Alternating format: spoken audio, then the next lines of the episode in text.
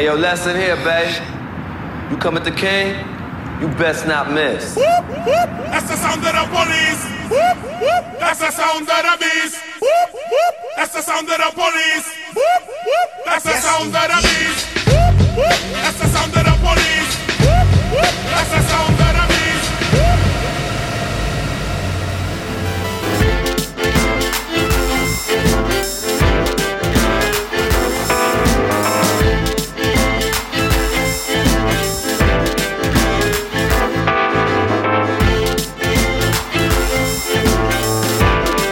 Dit is Radio Rechtsstaat met Nienke Venema en Jelle Klaas.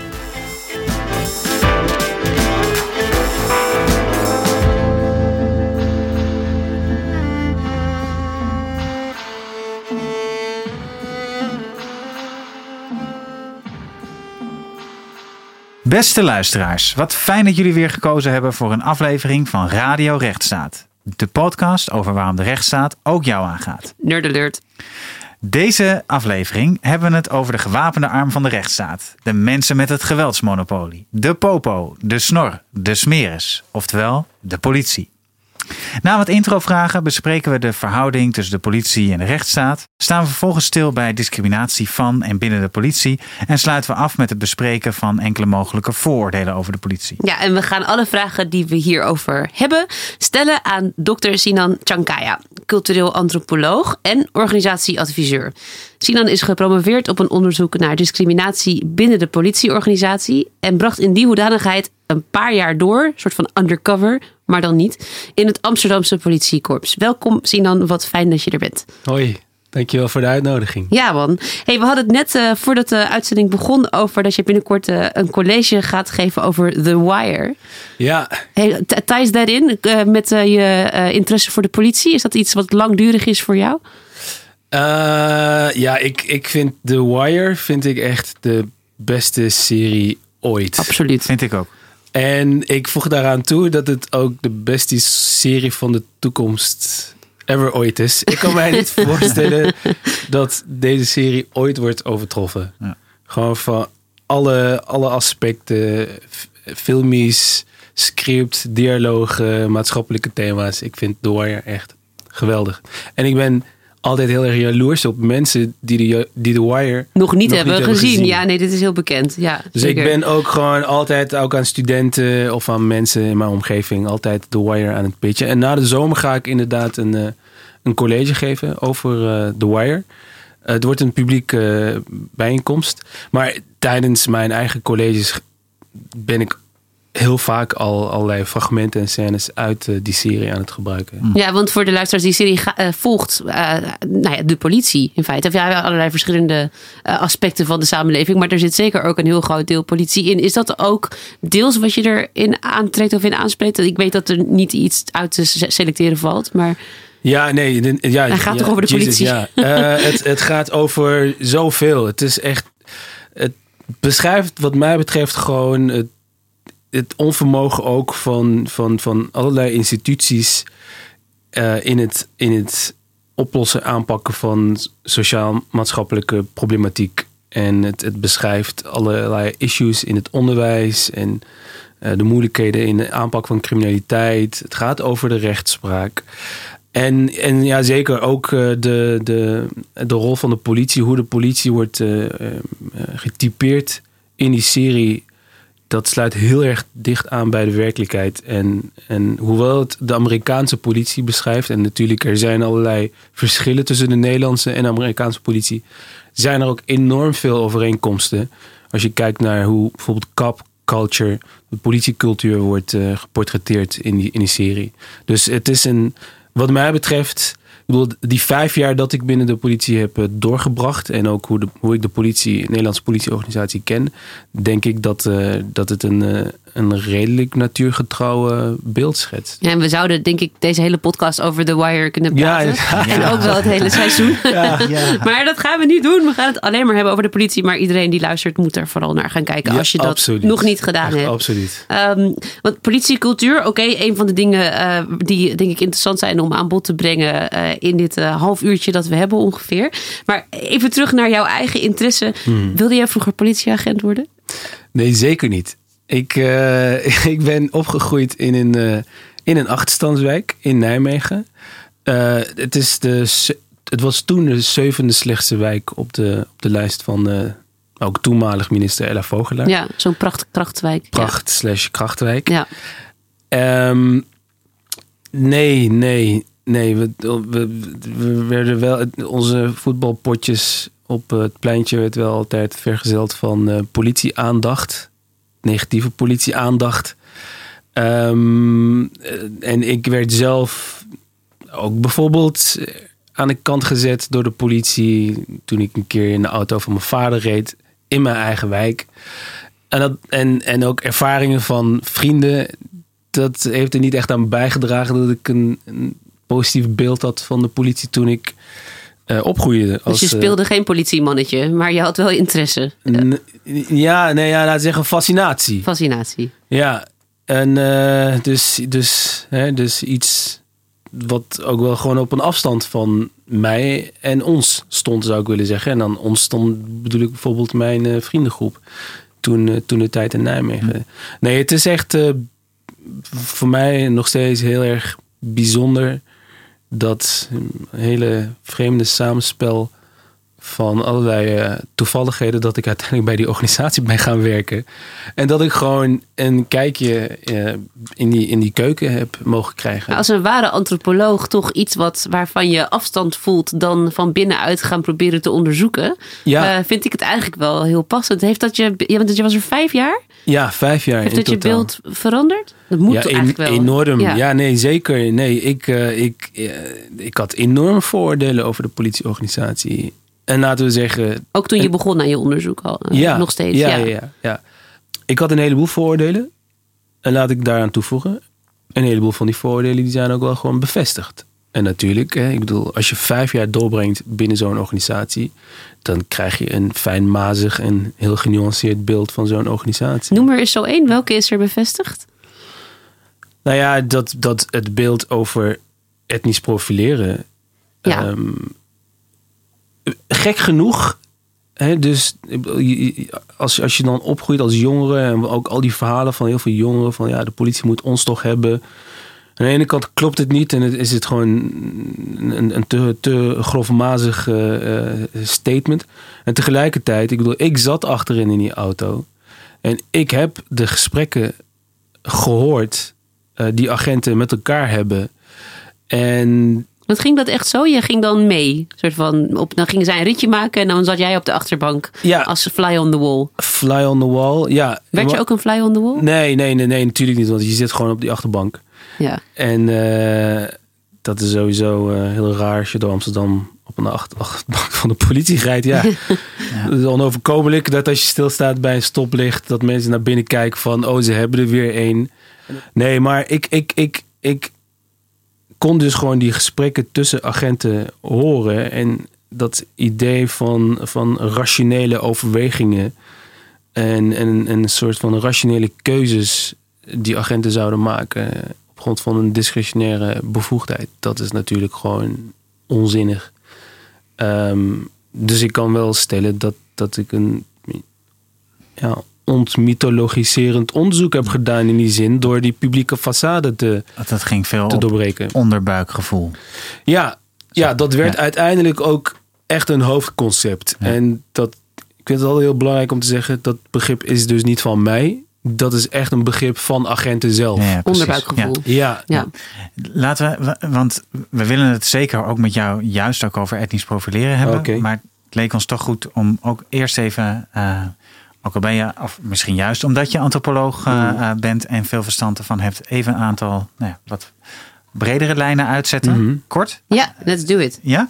Eh, en dat is natuurlijk over de rol van de politie in de rechtsstaat. Want daar gaat deze podcast over. Want deze Ja. podcast gaat over de rechtsstaat. ja. Ja Wat is de rol van de politie Wat in de is de, de, de, de, politie speelt een fundamentele rol in, in de rechtsstaat. Als, in, in het kader van het beschermen van de democratische rechtsorde en, en de openbare orde. En in ondergeschiktheid aan het bevoegd gezag. Wat dus wil betekenen dat de politie zich in eerste instantie zelf moet houden aan eh, de regels van de rechtsstaat. Eh, in het optreden, in de toepassing van geweld, in, in wie zij wel en niet aan de kant zetten, enzovoorts, enzovoorts. En tegelijkertijd eh, worden, wo- eh, beschermt de, de, de politieorganisatie eh, burgers en, en democratische eh, grondrechten. Maar daar zit natuurlijk een enorme, ja, een fundamentele spanning, zou je, zou je kunnen zeggen. Omdat de, de politie, dat is mijn stelling, een inherent gewelddadig instituut is.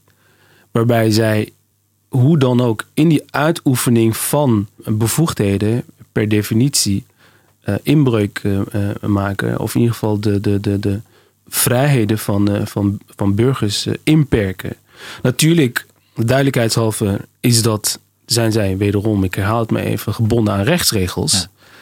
Maar het instituut op zichzelf en, en de monopolie, geweldsmonopolie, veronderstelt dat er een enorm spanning zit tussen aan de ene kant die uitoefening van die, van die eh, laten we zeggen, de, het, het, het, het veiligstellen van de democratische rechtsorde en vervolgens ook het beschermen van, laten we zeggen, de grondrechten van burgers. En de manier waarop ze dat doen is natuurlijk een van de middelen die ze hebben, hebben allerlei andere groepen niet. En dat is dat geweldsmonopolie natuurlijk. Precies. Dat maakt ze zo bijzonder ook. Ik denk dat als de politie je benadert als jongeren op straat of als daklozen of wat hè, de politie hun, ze kunnen met je praten. Ze kunnen natuurlijk verschillende manieren. Het is niet dat ze altijd inderdaad met de knuppel aan, maar het feit dat zij Ja. daartoe kunnen overgaan, Ja. in tegenstelling tot allerlei andere overheidsfunctionarissen. Ja. Ja, als je niet luistert naar de sociale medewerker van de sociale dienst, dan gaat hij niet met de knuppel Nee. en eh, je desnoods neerschieten. En geweld- politie mag dat in specifieke gevallen binnen de rechtsstaat natuurlijk wel. En dat maakt ze natuurlijk wel bijzonder. toch? En dat is geweldsmonopolie. Hè? Zij hebben het recht om geweld te gebruiken. Ja. ja.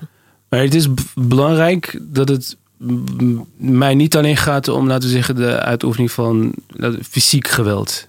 In die zin. Het, het, het gaat bijvoorbeeld dus ook om stop and search. Dus, dus ehm, een, een voertuig aan de kant zetten op grond van de, de Wegenverkeerswet of een, een, een, een jonge man om zijn eh, identiteit eh, vragen op grond van de, de uitgebreide wet identificatieplicht. Dat zijn ook allerlei momenten eh, die dan ehm, eh, ingrijpen op, laten we zeggen, de, de, de, vrijheid, de, de mobiliteit van, van burgers. Maar dat doen ze op basis van, hè, dat is autoritair zou je kunnen zeggen. hè. Ze gebruiken autoriteit om je aan de kant te zetten. En als je dat niet doet, dan heb je ook een probleem, toch? Dus er zit er, zit er niet altijd die dreiging van het geweldsmonopolie achter? Of is het... Natuurlijk, dat is, dat, is, dat is iets wat altijd op de achtergrond eh, speelt. Maar ik denk dat het eh, om te beginnen heel erg belangrijk is. Dat, dat, en, en van daaruit gaat natuurlijk ook een hele eh, symbolische macht uit. Überhaupt de aanwezigheid van dat geweldsmonopolie. Ook zonder dat je het per se hoeft in te zetten. Dus dat klopt. Maar mij gaat het eigenlijk om ook gewoon al die mini-momenten, die micromomenten. waarbij al macht wordt uitgeoefend. Dus nog zonder dat we over geweld in die hele expliciete vorm eh, spreken. Dus Ja. het gaat mij ook een beetje om het uitbreiden van het, van het begrip eh, geweld. Naar ook, naar, eh, dus inderdaad, een, een, een voertuig aan de kant zetten. Ja, Gewoon Ehm, dwang eigenlijk ook, toch? ja, ja, precies. want ik heb die mogelijkheid niet. Ik heb die bevoegdheid niet als Nee, burger. precies. Hey, en om deze toch ook even gevraagd te hebben. Ja. Bewaakt de politie de belangen van een bepaalde groep? Of anders gezegd, is de politie partijdig? Ja, maar je wekt nou de indruk, Jelle, dat je deze vraag even tussen neus en lippen door heel snel wil gaan doen. Maar Dat ik is een hele grote vraag. ik ja. vind hem eh, immens. ja. Ehm, dit, het antwoord is, is, is heel erg ingewikkeld. Mijn standpunt is dat ehm, de politie eh, natuurlijk altijd streeft naar het ideaal van onpartijdigheid en neutraliteit. En kan in de uitoefening van het werk ook wel degelijk neutraal en onpartijdig zijn. Maar de huidige ordening van onze samenleving veronderstelt dat de politie, wederom, wat mij betreft, per definitie de status quo in stand houdt. Dat wil zeggen dat omdat de politie eh, ondergeschikt is aan het bevoegd gezag, het is een, is een, een, een, een- een uitvoerende organisatie. Zij voeren wetten uit, zij bewaken, beschermen wetten. Betekent dat dus dat de huidige machtsordening wederom sociaal, cultureel, politiek en, en, en zeker ook economisch in stand houdt. dat betekent dus dat de huidige belangen van dominante en machtige groepen eh, in stand worden gehouden en, en, en worden gereproduceerd. Dat is dus een, een, laten we zeggen, ook historisch institutioneel. ehm, als je kijkt naar de, het ontstaan van de politieorganisatie, grijpt dat terug naar eh, de bourgeoisie, eh, die dus ook eh, de eigen belangen ehm, veiliggesteld wilde zien.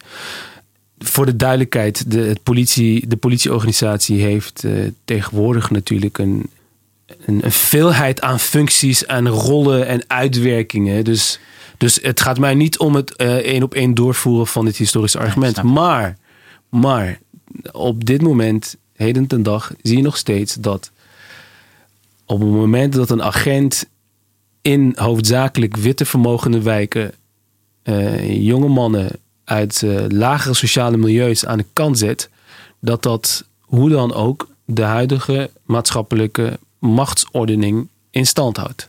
Dus de Ik politie vond- staat eigenlijk, is wel partijdig namelijk aan de kant van de meerderheid in dit geval dan, zou je zeggen. Ja, Of de belang, de, de hoe zei je dat nou net? De Ja, belanghebbende? de- ik vond de status quo handhaven. De status quo. da- da- daar- Ja, ik en denk dat- dat, dat- daar kunnen we inderdaad ook nog heel veel in kwijt. Maar ik denk dat dat een hele mooie... ja, dus dat hoeft inderdaad niet per se de meerderheid te zijn. Want het kan, Nee. dat er zou ook een elite kunnen zijn. ja, de bestaande en- en- machtsverhouding, zei je inderdaad. Ja, Ja, check.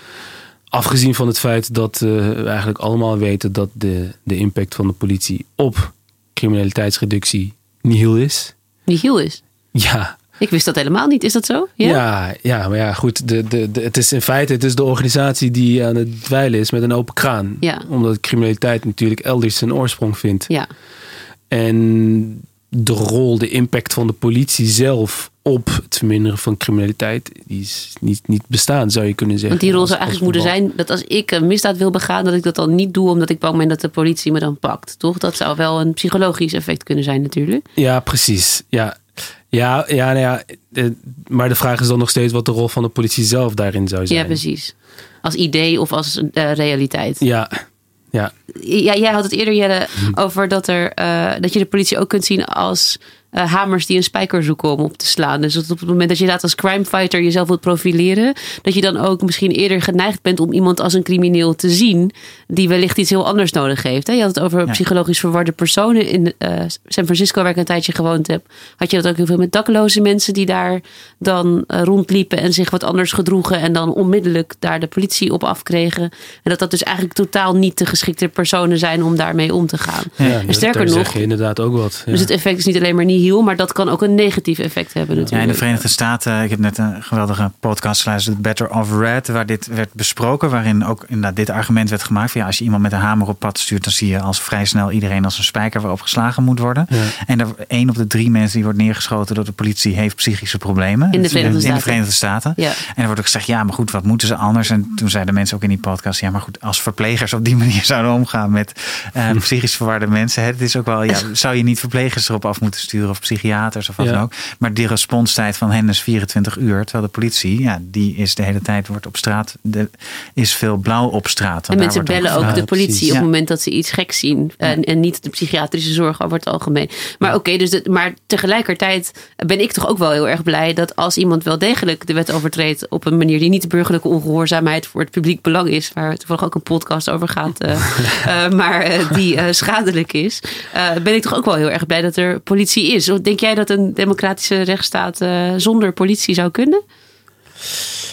Eh, ja, jeetje. Ehm, We hebben allemaal wat kleine Ja. vragen, ja, nee, makkelijke ja, instappers. Echt gewoon, nu- ja, Graag in twee zinnen. ja, Nee, ja.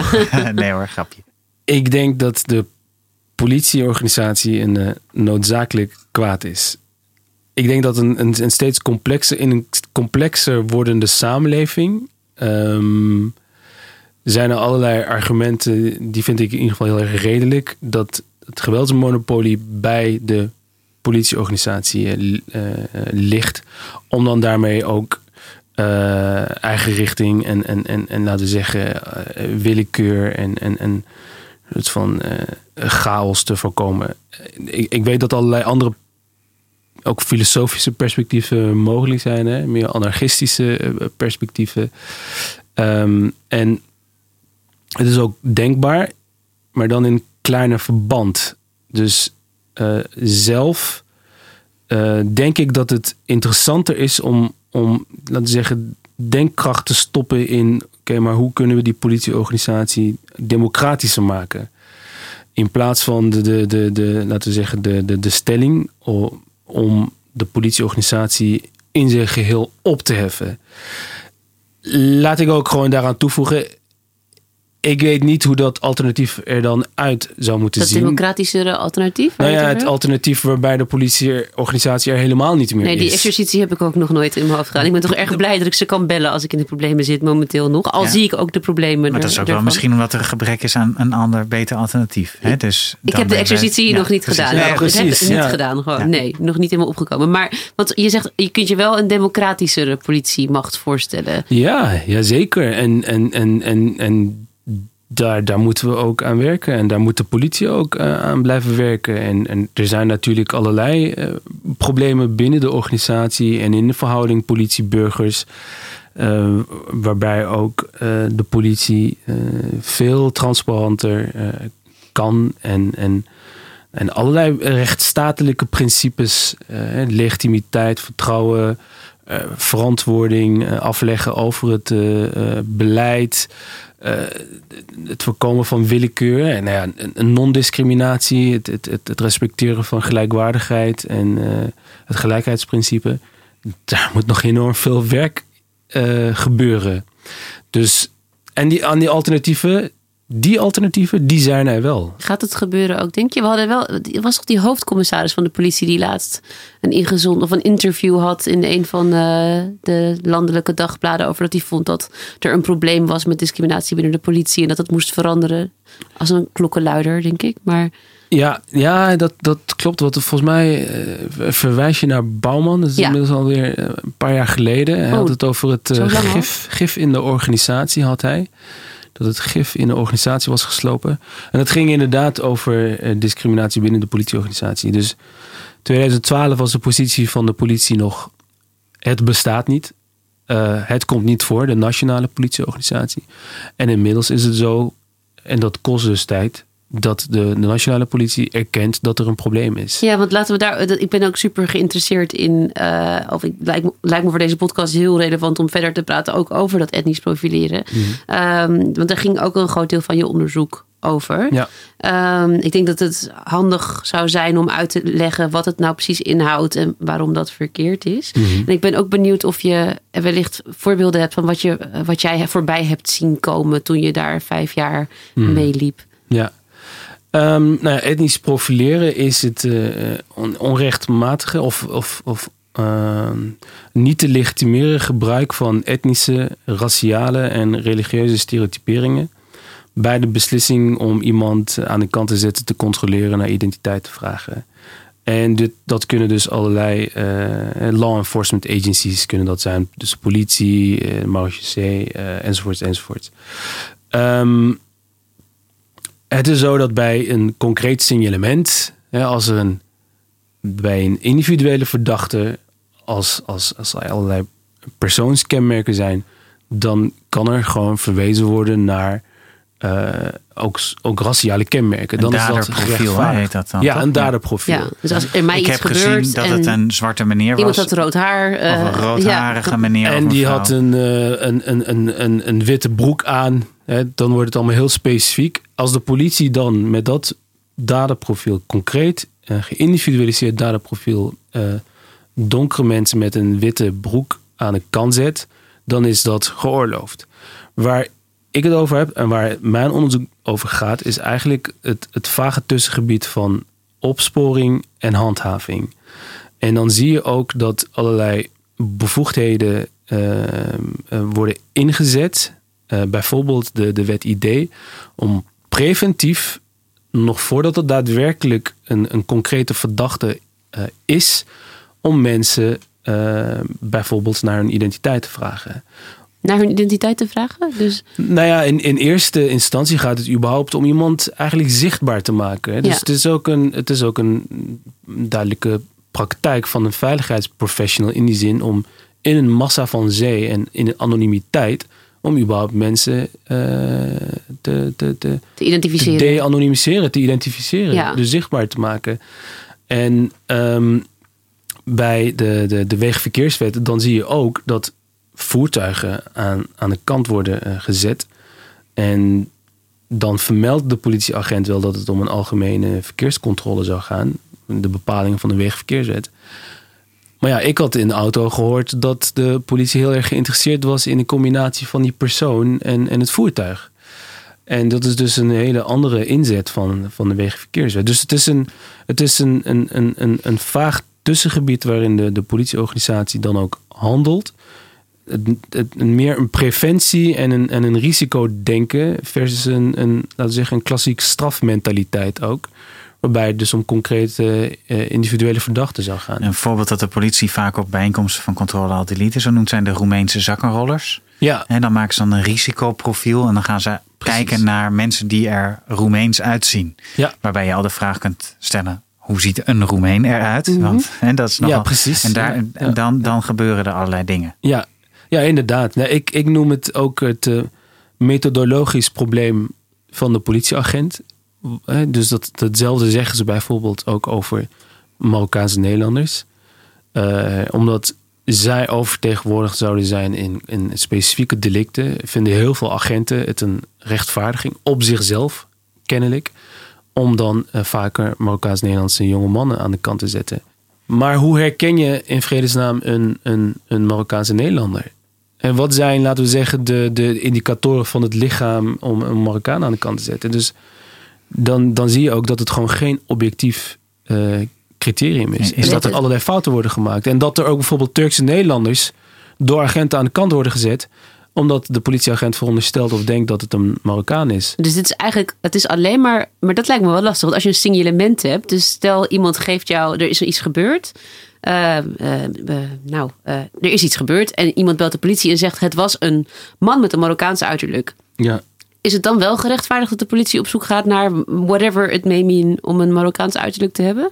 Of moet je echt, mag het alleen als er specifiek, dus hij heeft krullen of hij heeft een rode trui aan? Ja, in het geval, in het geval van een signalement, dan, dan, dan wordt het inderdaad al, al iets, iets ingewikkelder eh, en iets complexer. Hè? Eh, maar ehm, in mijn onderzoek ging het echt om hele grofmazige onderverdelingen van, eh, van de werkelijkheid. En dan werd bijvoorbeeld, als we jouw voorbeeld nemen, dan, dan werd iemand gebeld omdat het om een eh, hoofdzakelijk witte wijk zou gaan, waardoor dan een donkere man liep. En dat was het hele probleem. En dat was het. ja, ja. En dan werd de, de politie gebeld. En daar gaat het trouwens, eh, vind ik, ook in het publiek debat te weinig over. Ehm, want de politie wordt dan gebeld en staat dan ook voor een dilemma. Want wat moeten zij nou in vredesnaam gaan doen? Moeten zij dan gaan optreden? Moeten zij gaan handelen? Gelukkig hè, is dat niet altijd het geval. Want ik, er wordt er gevraagd, maar wat is dan precies aan de hand? Ja, die meneer die loopt daar. Wat doet hij dan? Ja, hij loopt. Ehm, en in een, eh, in een, eh, een, een klein onderzoek wat een eh, student van mij heeft gedaan naar buurtpreventieteams, dus WhatsApp-groepen, dan zie je dat het probleem daar heel erg. Ik bedoel, eh, de, de politie daarvan, eh, de politie moet zich houden aan, aan, rechtsregels, eh, verbod op discriminatie, non-discriminatie enzovoort enzovoort. Maar in die WhatsApp-groepen, daar gaat het van, ja, daar loopt dit, en daar loopt dat en eh, Ja, daar is discriminatie viert hoogtij. Ja, ja, Ja. ja. En, en, Ja. en dan, eh, dan wordt de politie gebeld. Maar waarom, het- kun je toch nog heel even kort proberen aan te geven waarom het probleem is? Buiten het feit dat het niet efficiënt is, hè, want hoe ziet een Marokkaan eruit of een Roemeen bij zo'n risicoprofiel? Zijn er nog andere redenen waarom dat etnisch profileren nou zo'n zo pijn doet? En waarom het erg is of niet oké? Nee, je zegt het al. Het doet pijn.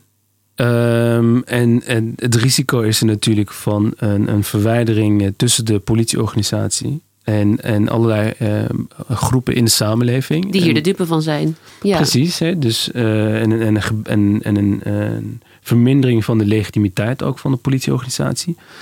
En dat is wat mij betreft ook het belangrijkste argument. Ik kan, ik kan tal van argumenten geven, maar het legitimiteit, daar valt en staat de politieorganisatie mee. Dat is, we hebben net gehad over de, de, de, de eh, minimale impact op criminaliteitsreductie. Maar legitimiteit is iets wat je niet echt kunt inwisselen. Dus dat gezag gezag en autoriteit van de politieorganisatie is fundamenteel. En als door dit soort discriminatoren politiepraktijken uh, groepen mensen zich uh, niet meer onderdeel voelen van de samenleving, dan heb je pas echt grote problemen. Maar je, je, noemt al iets anders. Het is inefficiënt en het is ineffectief. Waarom? Bijvoorbeeld vanwege het probleem van de, de false positives. In feite gaat de agent eigenlijk met een te groot net vissen. En vangt dan ook gewoon onschuldige burgers die niets kwaads in de zin hebben. Uh, dat is dus een, een, een, een, een verkeerde inzet van een beperkte capaciteit. En, um, en ik vind een heel belangrijk argument dat juist de groepen die de politie kan helpen bij uh, oplossen van zaken, ja, die worden uh, verwijderd van de politieorganisatie. Ja. Bij de politie zitten sowieso allemaal soorten mensen met allemaal verschillende geloofsovertuigingen en politieke voorkeuren ook. Hè? De politie zijn net mensen. Uh, dus het is ook niet onwaarschijnlijk dat er politieagenten zijn die uh, nou, de discriminerende en zelfs racistische ideeën op nahouden. Ja. Um, die ja, tegen de rechtsstaat ingaan. Die eigenlijk. tegen de rechtsstaat ja. ingaan. Hè? En hoe zou de politie daarmee om moeten gaan? Zou er bijvoorbeeld een beroepsverbod moeten zijn voor agenten die radicale denkbeelden hebben, die bijvoorbeeld vinden: ik vind het oké okay om etnisch te profileren, want ja, ik denk dat mensen met een Marokkaanse achtergrond achtergrond nou eenmaal crimineler zijn dan andere groepen, bij wijze van spreken? Dit vind ik weer een hele ingewikkelde vraag. Um, la, la, mijn positie is de volgende. Een beetje teruggrijpend op, op het Weberiaanse onderscheid in persoon en ambt, is het natuurlijk zo dat de persoonlijke, individuele voorkeuren en affiniteiten van een persoon niet mag doorcijpelen in de uitoefening van het ambt. Ja, professionaliteit eigenlijk. Is Precies. Ja. Dus, dus de politieke opvattingen, bijvoorbeeld uh, van een agent, mogen geen invloed hebben op de uitoefening van het werk. En de agent, de individuele agent, heeft zich dus te houden aan rechtsprincipes. Um, ik zeg zelf, voor sommigen provocatief, dat ik geen probleem heb met iemand die op de PVV stemt, maar bij de politieorganisatie werkt.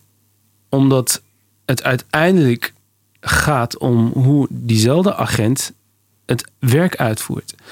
En dat moet uh, eenvoudigweg aan de hand van bestaande rechtsstatelijke en professionele criteria en eisen.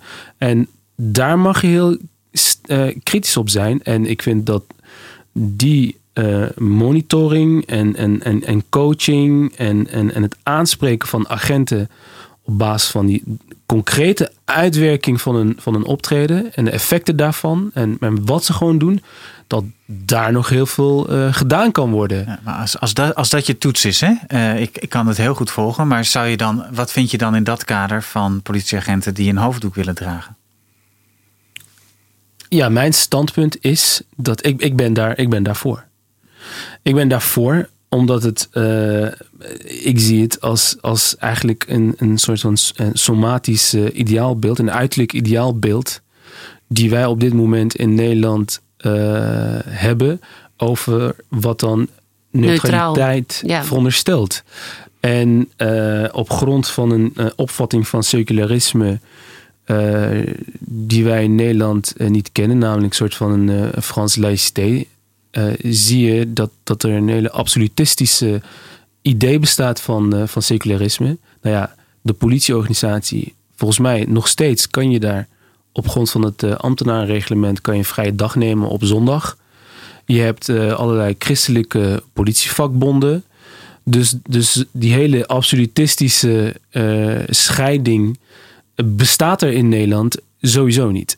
Um, het is mijn argument dat, dat er duidelijk dus een, een botsing is tussen grondrechten. En dat het gaat om een bandbreedte, een, toegestane bandbreedte in het uiterlijk van een agenten. Afgezien van het feit dat het onzinnig is dat het uiterlijk van iemand van invloed zou zijn eh, automatisch op iemands optreden. Dat is, dat is een ridicuul argument natuurlijk die uh, in, in, in, in, als je dat zou toepassen op andere situaties, dan, dan, dan, dan, zouden, dan, dan zouden we daar ook moeite mee hebben. Zou je zeggen dat een man niet om kan gaan met vrouwen die aangifte komen doen van seksueel geweld door mannen. Ja, bijvoorbeeld. ja, maar dan zou je ook bijvoorbeeld kunnen zeggen, nou ja, witte mensen die zouden niet met migranten kunnen omgaan. Uh, en, en allerlei combinaties. Allerlei en dat generalisaties is, kunnen ja. maken. Het argument wat, wat, wat je vaak hoort in deze discussie is dat degene die door de politieagent. Uh, die met, nee, goed, dat de burger die met de politieagent werkt, het recht heeft op een neutrale, uitziende politieagent. Hè? Dus dat Ja. het is niet zozeer dat een moslima niet politieagent zou kunnen zijn. Dat mag prima, maar dan moet uh, volgens de huidige status quo Ja. zij haar hoofddoek Ja, afdoen. precies, maar Want daar- als ik met haar in Ja. aanraking kom, zou ik wel eens kunnen denken dat ze niet neutraal is. Dat Ja. is de gedachtegang die we nu volgen. Dat, Toch? dat zeg je heel goed, want je gebruikt het woord status quo. In, laten we zeggen, dit hele verhaal. In de introductie van dit verhaal. En de vraag is dan, wie spreekt er? En wie is dan hetgeen, hè, dat kennelijk dat lichaamloze, dat dan neutraliteit eh, vertegenwoordigt? Want klaarblijkelijk is het zo, als ik om me heen kijk, dat dat dan toch steeds witte heteroseksuele mannen lijken te zijn, wat doorgaat voor neutraal. Dus, en, en, dan, en dan inderdaad ook, hè, maar vanuit wie komt dan dat verzoek?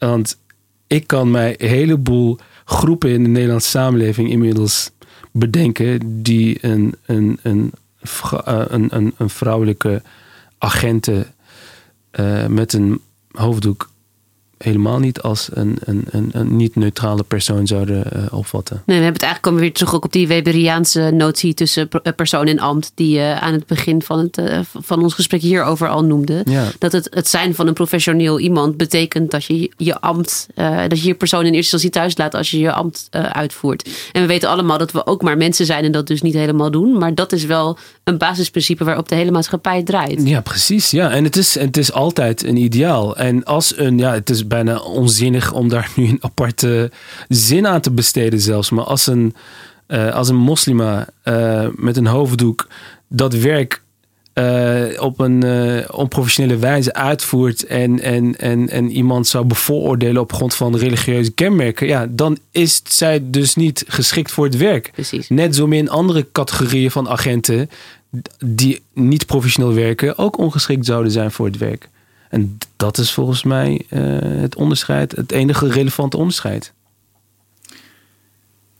Wil jij de laatste vraag Wil stellen, ik de laatste vraag stellen, Jelle? Ja, nou inderdaad. Laat ik de laatste vraag stellen.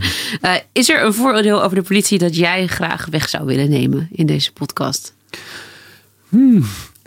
Ehm, Zijn er veel bevestigd voor je in die vijf jaar? Niet alle agenten eten donuts.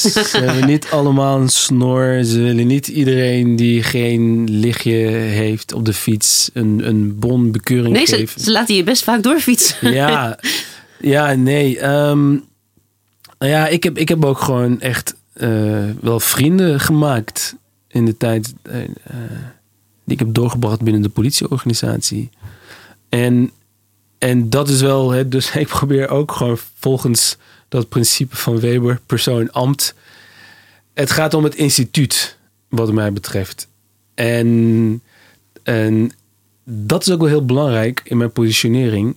Hè, want ik krijg heel vaak eh, het verwijt dat ik eh, heel negatief zou zijn over de Je, politieorganisatie. je noemde het ook een inherent gewelddadig instituut hè, aan het begin van deze podcast. Ja, en daar, dat, dat vind ik aan het eind van de podcast nog steeds. Maar ja, en dan heb je het dus over het instituut. ik heb het dan over het instituut. En ik heb het niet over al die lieve en aardige politieagenten die inderdaad met de beste bedoelingen het werk doen. En, en, en heel veel eh, over zich heen krijgen en niet worden gewaardeerd. En dat is ook zo.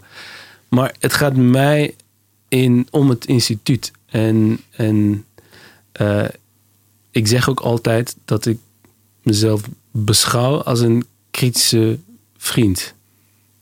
Oké, dat lijkt me een hele mooie afsluiter. Ja, we hebben eh, gesproken met dokter Sinan Chankaya over, Chankaya over de politie, Mhm. de rol van de politie in de rechtsstaat. En we zijn er vrij kritisch geweest over de politie, maar een kritische vriend wellicht in deze podcast of niet, dat is aan de luisteraar om zelf te bepalen. Dankjewel dat je er was. Dankjewel. Ja, dankjewel. In de volgende aflevering van Radio Rechtsstaat gaan we met universitair docent kind en recht Carla van Os in gesprek over kinderrechten.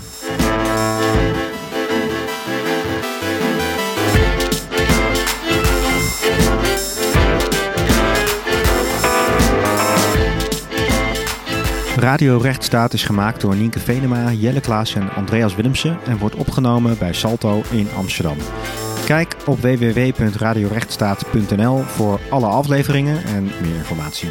Je vindt ons trouwens ook op Twitter en natuurlijk op Facebook.